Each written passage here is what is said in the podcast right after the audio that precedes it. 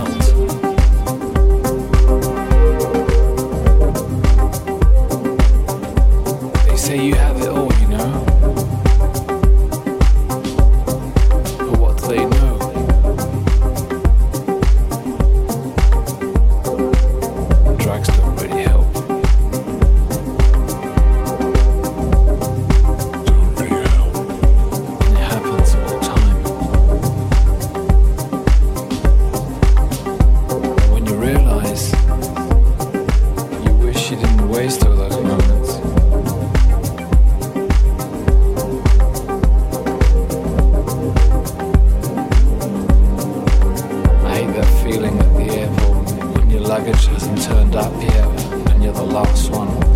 And it's Christmas Day.